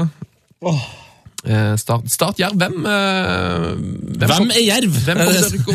Hvem er Jerv? Jerv fra Grimstad. Grimstadklubben Jerv. Jeg har spilt mot Grimstad-laget Jerv mange ganger i min oppvekst, Ja. eh, så spør meg gjerne. Hvem er Jerv? Hvem er Jerv? Det er laget til Steinar Pedersen, gamle Start-legenden. Lillestrøm-legenden. Ja. Champions League Dortmund-legenden. Ikke minst. Fått massiv skryt for jobben han har gjort med Jerv. Eh, Ja, Jerv og- er jo faktisk det laget i uh, Obos-ligaen som har sluppet inn minst mål. De slapp inn 28 mål, som er mindre enn ett mål eh, per kamp. Eh, så, og Start har vel ikke vunnet en kamp det siste halvåret. Ja. Så hvis du spør meg hvem vinner i løpet av de her to oppgjørene, det er Jerv. ja, faktisk eh, formen tilsier at eh, det er Jerv. Eh, Start har ikke vunnet på et, nesten et halvt år. Nei, det var det 15 kamper det gikk. Ja, det er helt sinnssykt. Det som er litt sånn, som jeg synes nesten er litt grann sånn øh, Nesten litt på grensen. Det er det at Nå har det jo vært en sak om at øh, Steinar Pedersen han kommer til å bli tippeligatrener neste år uansett. For hvis Jerv rykker opp, så blir jo han tippeligatrener for Jerv. Men Start har nå sagt at de ønsker seg Steinar Pedersen som sin trener neste år. Så hvis Start holder seg, så kommer antageligvis Steinar Pedersen til å få jobben der uansett. Jeg tror han gir opp uh, jervdrømmen. Uh, Ja, det håper jeg ikke. Det, altså, det håper jeg ikke. Men det er jo litt sånn uh... det, er ra, det er veldig Det er en dårlig stil av start. De kunne i hvert fall holdt det til etterpå, da. Ja, Det er jo ikke sikkert at de har gått ut, men det kan jo være at det har lekka ut. Men Ja, ja. eh, altså, jeg tenker bare, hvis, like det her, like. hvis dette hadde skjedd i Italia, da, så hadde jo folk vært uh, fort framme med, med pengetegnet. Ja, altså Ikke folk i Italia, men vi i Norge hadde skjedd ned på Italia. Med, og, ja, du. Jeg hadde og bare-. Sånn her, gjort, gjort det tegnet der. Men eh, nei, det blir nydelig. Ben spennende. Eh, to kamper nå. Det er, det er så veldig fornøyd med, den, eh, med det kvaliksystemet de har lagd i Ja, Norge. er Bedre enn i 2011, når de ikke hadde. Ja, det var et år ikke de hadde Det var et år de ikke hadde. Apropos to kamper. eh, Det var jo, Vi må bare så kjapt gjennom det som mulig. Det var jo to kamper som Torkel Risan så veldig fint sa det, kom til å definere det neste året for oss fotballfans. Eh, Norge-Ungarn, Ungarn-Norge. Eh, det rakk jeg faktisk ikke å spørre Thomas Myhre om, men eh, det, det at Høgmo gjorde det han gjorde før eh, bortekamp, altså satt på et slags tegneserielag Ikke for at spillerne ikke var gode nok, eller sånn, men bare sånn Det var ingen det var ingen som hadde kommet til å tippe den forma, eller liksom de elleve før kampen. Var det egentlig også litt sånn Da ble fokuset på det hvis det gikk dårlig? Altså Var det taktikken hans? Altså, at bare sånn Det ble mer Nei, det tror jeg Altså, ikke. jeg, jeg, jeg, jeg har ligget våken om netteren og prøvd å forstå hva poenget var. Jeg tror jeg har egentlig Altså, jeg, jeg tror ikke han For en fyr som er så opptatt av relasjoner. Ja, det er, det er et rart laguttak å kjøre inn uh, Henriksen på topp der, og kjøre inn Moi og uh, godeste Ødegaard der. Er Litt snodig. Men jeg syns jo det er ballsy. Jeg, lik, jeg likte det laguttaket kjempegodt. Du er jo den eneste jeg snakka med som likte Nei, jeg har sett Du er den eneste jeg har snakka med som likte uttaket. Ja, men jeg syns det, det, synes det var utrolig risky. Jeg likte at han uh, tørte det. Det funka jo ikke, men uh, han prøvde, og Markus Henriksen han skåret mål, vårt, han. Eh, så det var det jeg likte med det. Jeg likte jo at de, at de brukte han på topp, for han er den mest målfarlige spilleren vi har. Greit, sett han på topp, da. Det er jo ingen av de andre som skårer. Men når det gikk som det gikk, så var det jo iallfall ikke noe lurt. Han fikk jo så mye kritikk for det laguttaket. At, uh, jeg tror han tenkte sånn Hvis det her funker, så kommer jeg til å bli genierklært. Ja. Og hadde de lykkes skåret på noen av de utallige cornerne de skapte, så hadde vi jo kommet hjem. Det er jo poker-NM eh, nå, som jeg har forstått det. Og Det var en po- poker-move. han kjørte all in, han. En nyhet som må nevnes fra uka som gikk, eh, veldig fin sak fra TV 2, det er at landslaget har blitt syv millioner dyrere i drift etter at Høgmo kom inn, eh, kontra Drillo sitt landslag. da. Og det Han har gjort, han har ansatt ny spisstrener, ekstra manuellterapeut, ny markedsansvarlig, ny mental trener, ekstramann på videoanalyse og en såkalt internasjonal rådgiver som har kommet inn i gruppa. Det var ingen av dem som var på jobb eh, på søndag. Jeg vet ikke, Kanskje kan det bli for mange kokker? Ja, men det, altså, alle de her virker som de hadde en stilling som kunne sterke uh, Norges problemer før Ungarn-kampen. Styrke, tenker du? Styrk. Ja, ja. Styrk. Altså, jeg tenker også på drikken Styrk. vet du. Den nye satsinga til, Ja, det var godt. til Tine. Ja. Ja, nei, for- Fortsett, det var ikke meninga. Ja, Det er rart at er liksom, ny spisstrener, da. Mm. Hva, hva har vært Norges største problem eh, det siste året? Spiss. Skåre mål. Mål. Men jeg tror det, er litt eh, Jeg tror det er litt av problemet med landslaget. Internasjonal rådgiver. Ja, hva er det? Da kan jo Det er en jobb jeg vil ha i framtida, merker. Ja. Det virker chill. Det er liksom, ja, veldig. Reise rundt og pleie forholdet med klubber. En kongejobb. Nei, jeg kjenner at vi kan ikke snakke for lenge om uh, landslag. Vi kan snakke om eh, at Tsjekk vil kaste hjelmen. Ja, kanskje den eh, saken jeg har kost meg mest denne uka. her. Eh, Peter Tsjekk var ute og sa at han, Nå endelig. han har lyst til å spille uten hjelm. Han har jo sagt det før. Eh, han sier at han får, han får lavere selvtillit av å spille med hjelmen. Ja, det er jo det er forståelig. Føler seg litt utepass. Så sier han jeg hører dårligere med hjelmen, så det er vanskeligere å liksom få med seg beskjed, og det er vanskeligere å liksom være på alerten når det skjer masse i feltet. Ja. Ikke med meg alt som skjer. og se, for deg den tinnitusen han har ved å sitte og spille trommer i, i kjellerstua. Da, Han hører vel ikke dag noe uttrykk. Nei, Ikke sant? Eh, og så sier han òg at han har veldig lyst til å kvitte seg med hjelmen, men han får ikke lov av legene. Nei. Så det, det, det kommer til å bli en karriere med hjelm resten av karrieren.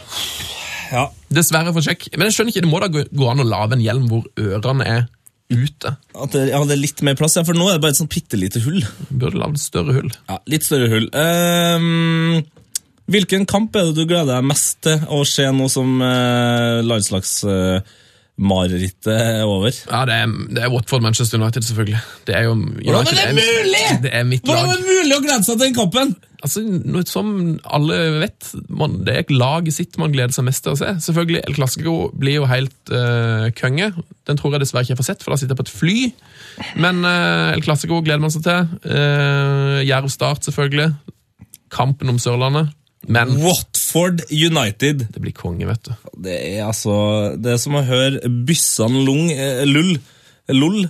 Byssan Lull? Byssan Lull. Byssan Lull sunget av Enja eh, i sju-åtte timer til du sovner. Ja, si ikke det. si ikke det. Og så blir det deilig å se Chris Smalling, da. Ja. Jeg jeg gleder meg personlig til både Tottenham Westham Åssen er det mulig?!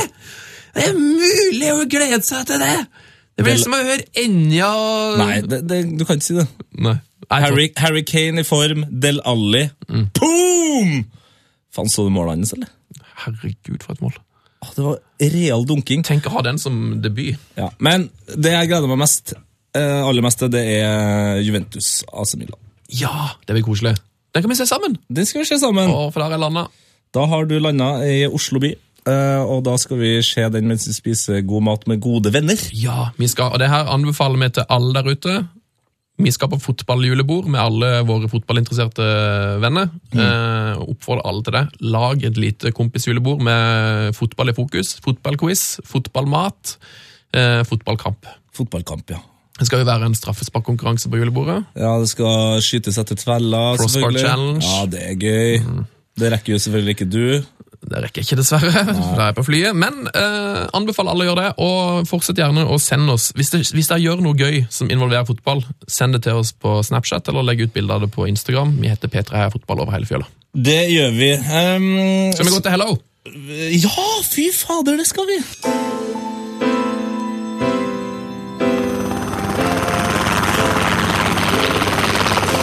Hello, tell me where are you now that I need you? Ja da. Det, må jo, Yes. det går jo litt i berg-og-dal-bane, dette med disse spaltene, men akkurat nå Tete, så må jeg si min favoritt denne. Ja, så bra. Mm. Det er jo det er en veldig artig spalte å gjøre. Eh, Fordi jeg får ringt ut i store verden, eller stort sett så har jeg jo holdt meg til de britiske øyer nå. Eh, Men det har litt sånn tidsforskjeller og sånn der. Så jeg ser om jeg får lov til å skrive overtid til og, og ringe litt sånn utlandet. Ring Brasil og sånn. Ja, Brasil, Mexico har jeg prøvd på et par ganger. Det er jo et helsike, Det altså. er mye å ta tak i. Eh, hvor skal vi i dag? Du, I dag skal vi til hovedstaden i England, eh, bedre kjent som London. eh, og det her er, kanskje overraskende for noen, eh, en av mine favorittspillere. Eh, Både for at han er på sitt beste veldig god, på sitt aller dårligste kanskje den dårligste fotballspilleren jeg vet om. Ja, Det er fascinerende dårlig. Eh, Jeg tror folk kommer til å skjønne hvem det er i samtalen. Kanskje bare la det være med det. Kan folk kan kose seg med tanken 'hvem er dette'? Ja. Vi ringte iallfall til Queens Park Rangers for å høre om eh, ja, hvor det har blitt av han fyren her. Good morning, QPR. How can I help you? Hello, it's uh, me, uh, Tete Lidbom from Norwegian Broadcasting. I was wondering if uh, you could help me with one small question. Uh, do you know where Adele Tarapt is? No. No? you, you speak Norwegian? No. No? But you, you say nei, not, not no. No. No, say no. Oh, no. Oh, Okay, so you, yeah. you don't you don't know where he is because I haven't seen him in quite a while. Yeah, he's not with us, so I wouldn't know where he is. Okay, he was a good player though. Yeah. Yeah. Okay. Thank you very much. Have a Thanks. really nice football weekend. And you. Bye. Heia fotball! Ja, Nydelig. Ja, altså, jeg trodde jo jeg hadde liksom bare eh, truffet, truffet gull der. Altså, en eh, norsk kvinne som jobber for eh, Queens Park Rangers. Nei. Nei. Nei. Altså, Hun sier jo nei. hun sier jo nei. Nei. Nei. Nei. NO. Og hun var ikke spesielt interessert i, i å hjelpe meg med, med hvor det har blitt av Adel. Men hvor, hvor er han? Han er i Benfica. Han er i Benfica. Han er i Benfica. Selvfølgelig er han det. Eh, så eh, om han, han Jeg tror ikke han har spilt noen kamper der ennå.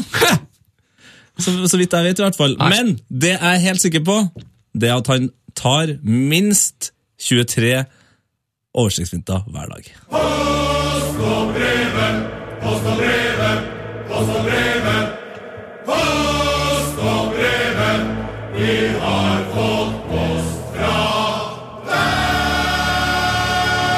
Velkommen, kjære heia fotballlytter.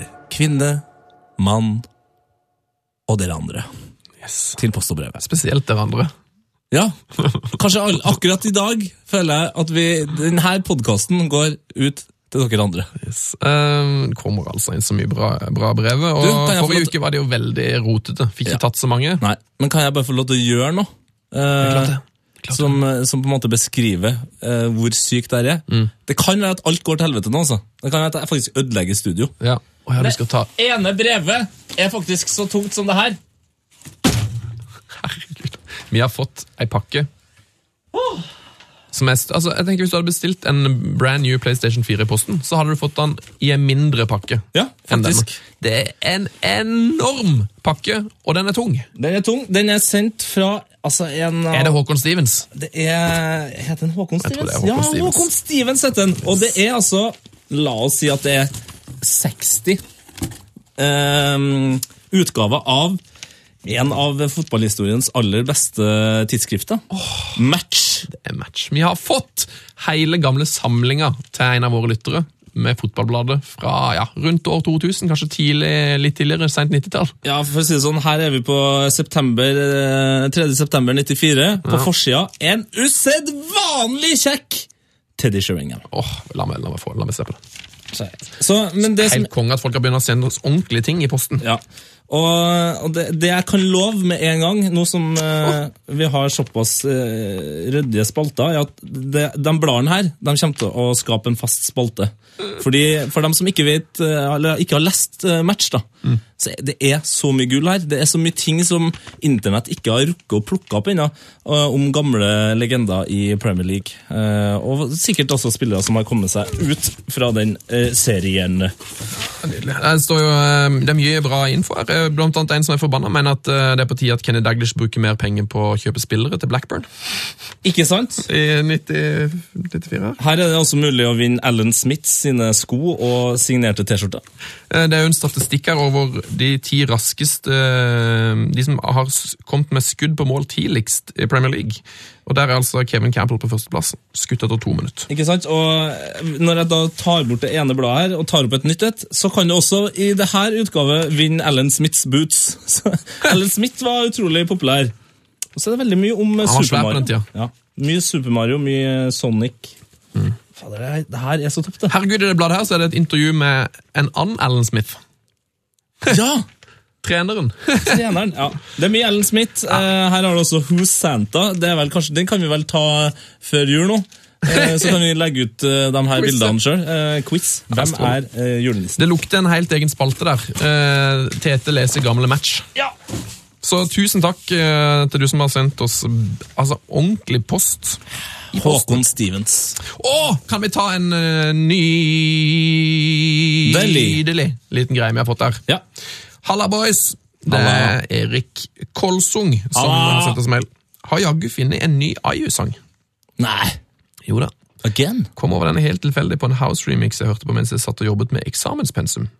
Her høres det som han han er ikke bare fast lytter av Heia Fotball. Han, her tipper jeg også hører på Wolfgang Wee.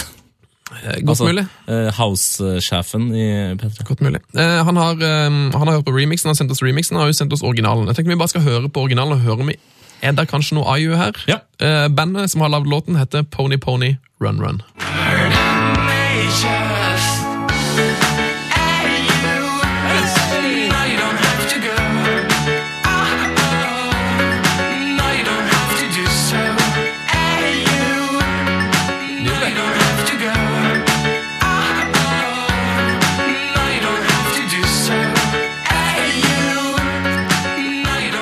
Nydelig greier. Hva, har du hørt dette bandet? Pony Pony Run Run. Nei, faktisk ikke. Eh, til og med jeg som er musikkprodusent eh, har ikke hørt om det her eh, bandet. Men eh, Catchy. Catchy. Catchy, Jordan og Andrew eh, Andre, men jeg må jo bli veldig fornøyd. Fått masse e-post òg. Um, rett og slett bare som svar på noe du ut, utbed svar om eh, nylig. Ja!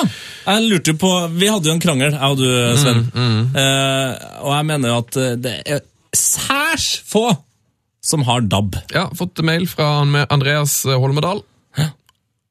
Har DAB. Har DAB, sier han, ja. Sendt fra min iPhone. ja. Så det er bra. Eh, fått melding fra Jon Fredrik Klausen. Skriver i emnefeltet DAB. Så skriver han i mailen, skal jeg, skal jeg lese hele? ja. Tre DAB-radioer. Sendt fra min iPhone. Ja, Det er jo helt tydelig at det er du som har valgt ut uh, dem her nå. Eh, ja. Skal vi ta en uh, mail til fra Flashcore, Bjørn, eller? Ja. Den er så fin, altså. Altså, du, er ferdig, du er ferdig med DAB nå? Ja. for eh, Siden eh, de her svarte at de hadde DAB Altså, Her er en som svarer DAB i bil, telles det? Det er noen som uh, Det teller, ja. ja. Ja, det teller, ja. Her nei. Espen Christensen skriver emnefelt DAB. Nei. Han er ikke DAB. Ikke på telefonen, eller? Nei. Det, du har, men har ikke DAB på telefonen! Det er internettelefon. Ok. Eh, Torgeir her. Jeg har ikke DAB. Har nettradio, men altså ikke DAB. Nettradio. Da har du tilgang på DAB-kanalene. Uansett, hei gutter, sier Flashcore Bjørn. Trengt en oppmuntring under landskampen, så leita litt, nå. eh, så leita litt i de nye eh, databaseinnlemmelsene, der jeg fant et par funnish facts. Ja. Først så er det ungdomslagene til Brann, som er i ferd med å få fram et par gode keepere med morsomme navn. Er, du, er du keen på noen morsomme keepernavn fra Brann? ja, Så lenge ingen navn begynner på DAB. Emil Harloff. Å, Emil, Har Emil Harloff! Bakutsønn, eller? Emil Harloff, 16 år. Eh, Bjørn skriver vi gjetter det kommer en del penishumor i garderoben når han er på A-trening. Å, Harloff. Ja, kanskje. Ah, Beinhard eh, loff. Nok et kongenavn her. Tobias Jetmundsen, Wow! 16 år. Keeper. Hvorfor har ingen sagt til han at han eh, sannsynligvis gjør det bedre som lynrask ving? Å, sammen med Mark Overmars der.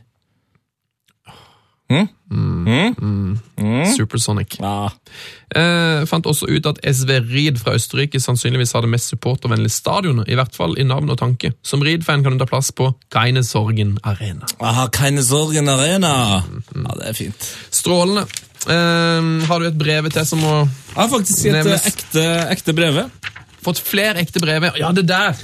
Et, eh, det er et, eh, det er like stort som, eller hakket da, større enn et A4-ark. Ja, det tror jeg blir dagens siste brev, for det er så bra. Ja, eh, det, avsender er lektor Grønvik Hei, lektor Grønvik! fra Oslo katedralskole. Nei, Skal vi se hva som er inni her, da.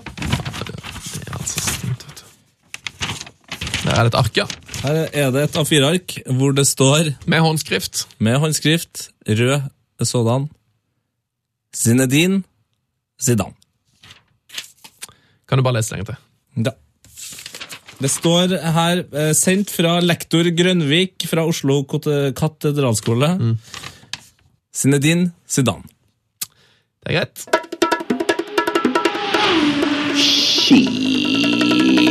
Det rakk vi ikke.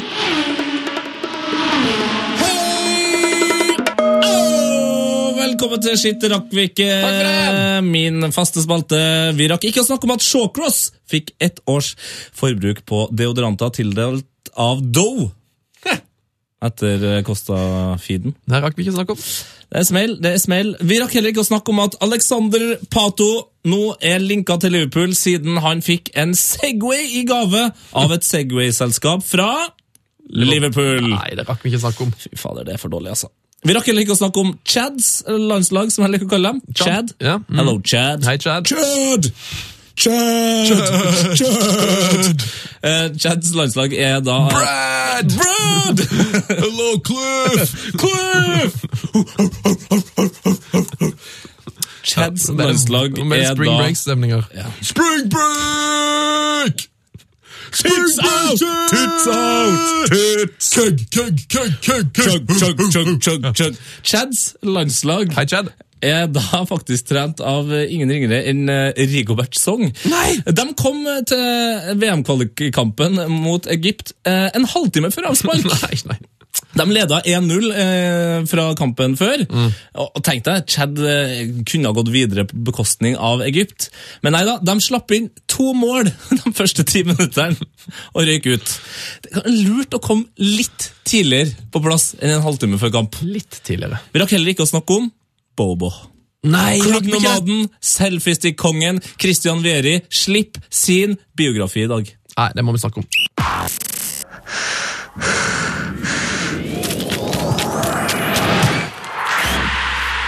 P3s Heia fotball med Tete Lidbom og Sven Biskår Sunde. Oh yes! Nå er det snart quiz, men bare gi meg litt grann om den nye boka til Christian Tete. Ja, han, eh, går, eh, han går ganske hardt ut og sier at han gjorde en stor tabbe når han gikk til Atletico Madrid. Ja, gjorde, Eh, gjorde det bare for pengene? Han gjorde det bare for pengene, eh, og det skjedde på et møte som varte under, jeg tipper under to minutter, eh, hvor Juventus tilbød en to millioner lire. Eh, Da visste han allerede at Atletico Madrid ville gi inn 3,5 millioner lire, så han sa I'm going to Spain. Eller han sa kanskje ikke på engelsk, da, men Neppe. eh, neppe. hasta la vista, Hasta luego. hasta luego. Et eller annet hasta. Merry Christmas, han Ja. sikkert. Jeg. Noe annet bra for boka? Det jo, eh, det ble jo tatt opp Han har jo vært en kvinnebedårer, vet du. Eh, og han bekrefter at alt, så å si alt som har stått i avisene, er sant. Nei, det er bok jeg merker jeg må lese. Ja, det er Fy fader, der tror jeg det er mye, altså. Hvor mange klubber har han spilt for? Alle, Han har spilt for alle unntatt Rosenborg, tror jeg. mer eller mindre. Skal vi ta quiz, da? Du må det. Eh, Det ble jo ikke delt ut T-skjorte forrige uke, det beklager vi veldig, men eh, vi skal kåre en vinner nå. Vi har en ganske, jeg synes en ganske velfungerende quiz. Dette er en av dine absolutt beste spalter, for den har blitt din. Ja, den er blitt liksom litt min. Eh, Vi skal fram til en fotballspiller, og vi har gjort noe med stemmen hans. sin. Så spørsmålet var jo, hvem er dette? det var liksom å shake hands med en fyr, så liksom Farske mann, der er jo Gunnar trivelig. Gunnar trivelig. Gunnar Trivelig. Og jeg hører jo nå eh, hvem det her er. Og vet du hvorfor? Nei. Det er altså en mann som jeg tror må ha Altså, han ble født, han, med, med, med Hva heter det sånn um, Trange by, bihuler. Altså, jeg tror han har vært forkjøla siden dag én, altså. Måten han snakker på, gjør at det høres ut som han sliter veldig med polyppene og bihulene og bare sånn Er så tett i nesa. Kanskje vi får svaret på dette på cupfinalen? Jeg tipper kanskje han er på cupfinalen. Kanskje vi kan få en prat med han? Vi om snakka med en sist. Vi Ja, om en ja. sist cupfinale. Hvem er det? Du, det er ingen ringere enn uh, The One and Only Bernt Hulsker. Yes, og lyden er henta fra en av våre favorittpodkaster. Wildcard-podkasten. Riktig. Fantasy-podkasten. Topp. Så Hvordan går det med ditt fantasy-lag nå? Du, det går stadig bedre. Litt problemet nå med at Det har gått bra nå siden det har vært to uker fri. Ja. det er derfor det går bra. Jeg er litt uheldig med noe skade. Både Bonny og Martial eh, er skada, så jeg sliter med litt. Og pluss at jeg har gjort, jeg har gjort noen rare ting. Men det, det går bedre enn på lenge. altså. Ja, jeg kan si at jeg har uh, Kane og Lukaku på topp. Det anbefaler jeg deg som hører på å ha òg. Men nå skal jeg trekke ut en vinner, og jeg alt tabber meg gjennom en fem-seks svar her. Veldig mange riktige svar denne uka. Det var, det var noen rare svar òg. skal vi se. Der. Nei. Nei. Fy fader. Det begynner å bli en stund siden vi har hatt liksom helt sinnssykt bra navn i, i, i, altså i den spalten her. Si hvem det er. Andreas Fet Nei! har svart riktig. Ja, det er gull. Nei, nei, det er fett. Det er fett! Jeg har han tatt med adressa si. Adress. Å, fy fader, gata han bor i er helt sinnssyk. Den kan du ikke si. Jeg vet det. Det Jo, si. den heter Seildukgata. Eh, veldig bra, og husk da, hvis du vil ha med neste ukes quiz, send med adressa di, send med T-skjortestørrelse, ellers så blir det vanskelig å vinne. Ja, Hvis ikke, så blir jeg forbanna. Eh, neste ukes quiz, hvem er dette? Ja, kom ikke navnet da. Ja. You're fucking coward, some of you. You have to get run. What's, what's mitt uh, sam, what's mitt uh, Sunne, hva er det helt med nå? Et nydelig klipp. Et nydelig. Hvem i Altså, er det her en, Har du klart det ikke med en gang? er det en fotballspiller? Det er en fotball, eh, det er et stort fotballnavn. Kan ikke gi mer eh, hint enn det. Eh, Heia fotball, krøllalfa nrk.no hvis du vil være med på den. Og der kan du altså, må si det igjen, der kan du sende oss e-post hvis du lurer på noe som helst. Ja, altså- Angående cupfinalen, Ja, du, han fyren der, han tippa jeg var med på festen til Abel Savier. tror du det? Det høres sånn ut på det klippet her, i hvert fall. Mm, Ok. Heia fotballs glory hall. yeah. Glory hole! Glory hole! Det er på tide å runde av denne ukens Seierfotball. Eh, fortsett gjerne å kommentere eh, på podkasten vår i iTunes. Det setter vi stor pris på. Ja, det er helt som gjør det nå. Mm. Der er vi, der er vi sterke, altså. Der er vi utrolig sterke. Eller dere, da. Der står vi sterkt sammen. Ja. Eh, og du skal vite det. Der er både meg og Netchef Lars omtrent inne daglig Mm. og leser og koser oss. Jeg er der eh, en gang i uka, kanskje. Det er ikke oftere. Nei, en gang i måneden. Ah, okay, okay, okay. Um, ja, Heia Fotballs Glory Hall, det er altså den stjerneklubben eh, langt, langt der oppe i stjernene, hvor vi hyller våre aller beste menn. Ikke bare fra Norge, men også fra Afrika, Asia mm. eh, og Europa generelt. Ilan Mansis er der ikke ennå. Vil nok dukke opp en dag. Nei, Eman Emanuel Sannon er der. Sanon er der. Fra Haiti, eller? Ja. Eh, vi har jo selvfølgelig Roberto Baggio, Tony Hebert, Cafu, eh, Boltoff, Cantona Claes Ingesson, Er Batistuta der, eller? Batistuta og ikke minst eh, en av eh, ytterst få kvinnelige fotballspillere der. Der- Der må vi få inn et par til, altså, tenker jeg. Mm. Ann-Kristin Åranes. Hvis, Anka Årenes. hvis du ikke vet hvem det er, gå inn på Google og, og søk opp det. Altså, helt rå. Helt rå. Nå har vi fått en uh, Glory Hall fra en lytter som heter Ståle. Og Ståle har skrevet det her, altså. Hei! Har følt at det er litt mange som er blitt forbigått i deres kjærlighet til Rosenborg, Manchester United og Italia. Derfor har jeg tatt pennen i hånden og prøvd å forfatte en hyllest, for å utvide horisonten deres. Ellers takk for superpodkast. Og han kan nok ha litt rett i det, det er mange nordmenn der, eh, men det er jo mange, mange fra Premier League, ikke bare for Manchester United. Nei, men det er kanskje en del derifra fra kontra andre klubber. Um, men det er jo det som er så fint. Altså, jeg kan ikke huske sist jeg skrev en Glorial. roll, eh, og det er jo for at dere som hører på, er så forbaska bra til å skrive Glorials sjøl. Så ta oppfordringa her nå til, til gutten. Yes, det skal hylles. Jeg bare sier det, vi har altså, Den tror jeg vi har 15 Glory Holes som ligger på en måte på vent. Ja. Eh, så det er ikke fordi at eh, de vi har fått inn er for dårlige at ikke vi leser det opp, det er bare vi har rett og slett fått for mange. Mm. Skal vi ta Ståle sin, da? Ja. I dagens Glory Hole skal vi tilbake til sankthansaften 1997. Bare sette stemningen litt nå. Bålet på Laugeberget. Tent. Grillingen er i gang. En ni år gammel glutt Glutenfri gutt. En ni år gammel eh, gutt gliser fra øre til øre. Flere måneder med jobbing og sparing har betalt seg. For i posten samme dag lå det en pakke. En myk pakke sendt fra himmelen. På jordet nedenfor Laugeberget har tribunene steget opp fra jorden. Main stand, Centenary stand, Anfield Road og The Cop er fullsatt. Ute på banen løper Barnes, Rednap, Owen og McManaman. Men alle øyner er rettet mot niåringen med drakta. Den røde drakta og med tallet ni og Gud skrevet med fem bokstaver på ryggen. Han kunne nesten vært storebroren til han med den litt rare nesa i B-klassen. Samtidig så uvirkelig god at vi fikk en klump i magen hver gang vi øynet muligheten til å se ham på TV. Ikke fordi han var en blendende tekniker, ikke fordi han var spesielt rask. Han var ikke prangende på noen måte, men vi visste at hver gang ballen nærmet seg motstanderen 16-meter, så var han der, som fra intet. Og sekunder senere lå ballen i mål. Mannen kunne skåre hat trick for gøy. Det raskeste ble gjort mot David Seaman i løpet av 4 minutter og 33 sekunder. Det raskeste i Premier League-historien den gang. Han var like farlig med høyre som med venstre, og stadig vekk stakk han fram hodet. Han raget kun 175 cm over bakken. Han skårer fra alle distanser og vinkler. Mannen er den eneste i noen av Europas toppligaer som har skåret 30 mål eller mer i sine tre første fulle sesonger på toppnivå. Toppnivå. Han vant PFA Young Player of the Year to år på rad i 1995 og 1996.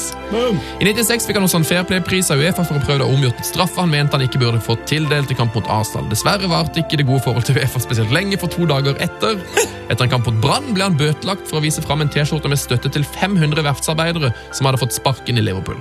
Dessverre var dette starten på en mindre bra periode med skader og usportslige hendelser, som annet å feire et mål mot Everton med å sniffe dødlinja. Og til slutt førte det til en overgang til Leeds i 2001. Til tross for dette husker jeg ham som en av de mest målfarlige spissene i Premier Leagues historie. Mannen med neseplasteret! Mannen som fikk en gjeng unge gutter til å tro på det de lærte på søndagsskolen, men denne gangen het Gud Robert Bernard Fowler. Åh, Oppvekst i Liverpool, så lokal at han kunne vært storebroren til han med den litt rare nesa i B-klassen. Men så god at han neppe kunne være virkelig. ja, det der var fint, altså. Robbie Fowler, hæ? Ja, altså, vi sitter jo her. Er Spurs-supporteren, meg, og United-supporteren, eh, du, Sunne. Um, du har vel sjelden hatt noe problem med Robbie Fowler? Åh, Altså, elska Fowler. for en helt rå spiller. Er det litt for få som der spisser akkurat nå, eller? Altfor få. Eh, skjønner ikke, hvor har det blitt av den spisstypen? Jeg vet ikke, De har forsvunnet i alle de offensive midtbanespillerne. Eh, Men Fowler, tenk å ha hatt Fowler på topp istedenfor Wayne Rooney for United de første, Boom! første kampene. Boom! Det hadde vært nydelig. Um, er det Aguero som har tatt rekken, eller? Nei, det er Mané. Det er Mané, ja, fader! Mané det er raskeste hat trick. Det var i fjor. Strålende! Eh, jeg kan ikke få sagt nok. Tusen takk til alle som bidrar til å være med og lage her fotball. Det er helt strålende, og det kan du være med på søndag òg. Da er det cupfinale. Ullevål. Vi ses der. Det gjør vi. Vi hørs. Vi gjør det. Eh, og ta deg nå en god dusj før den helga her, altså. Fordi det er så mye bra fotball. Det blir helt ellevilt. Ja, gjør det. Heia fotball! Heia fotball! Frank de Boer speelt de bal. Heel goed naar Dennis Bergkamp. Dennis Bergkamp. Dennis Bergkamp neemt de bal aan. Dennis Bergkamp. Dennis Bergkamp. Dennis Bergkamp. Dennis Bergkamp. Dennis Bergkamp. Oh! De Boer speelt de bal naar Dennis Bergkamp. Die neemt de bal feilloos aan. En ik schiet de bal erin. We spelen nog officieel 20 seconden. Dennis Bergkamp. P3s Heia fotball. Ny episode hver fredag. Last ned din nye favorittpodkast på p3.no podkast. P3.